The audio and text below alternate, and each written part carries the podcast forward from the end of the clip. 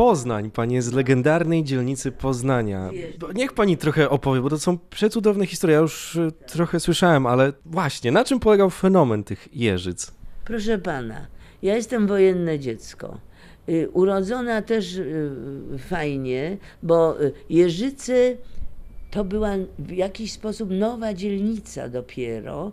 Budowała się, więc ten dom został zbudowany. y, Mama moja mieszkała na Starówce, ale tam było blisko okna. Lubiła przestrzeń.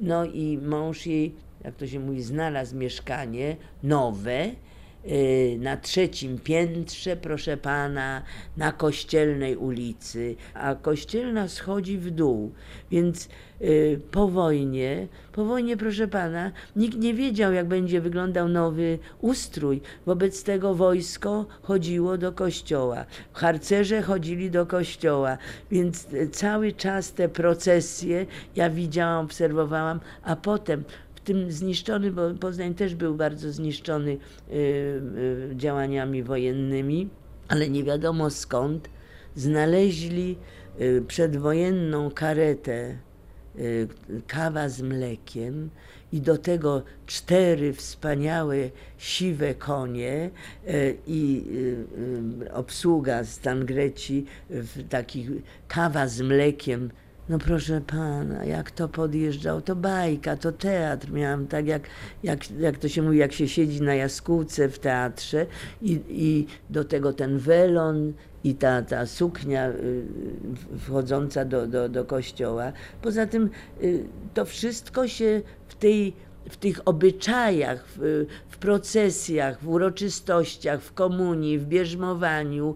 Y, Ja chodziłam do przedszkola, y, prawda, to się nazywały ochronki, które były za kościołem prowadzone przez y, siostry, bo matka moja przecież musiała pracować od rana do wieczora, także ja też przeżyłam to, że musiałam siedzieć do 17 w przedszkolu sama, więc wie pan, to znowu sobie tam odtwarzałam. Y, A potem byłam przyjaciółką mojej mamy od, od najmniejszego, a ponieważ ona kochała muzykę, sama grała i uczyła innych, proszę pana, to ja byłam w filharmonii.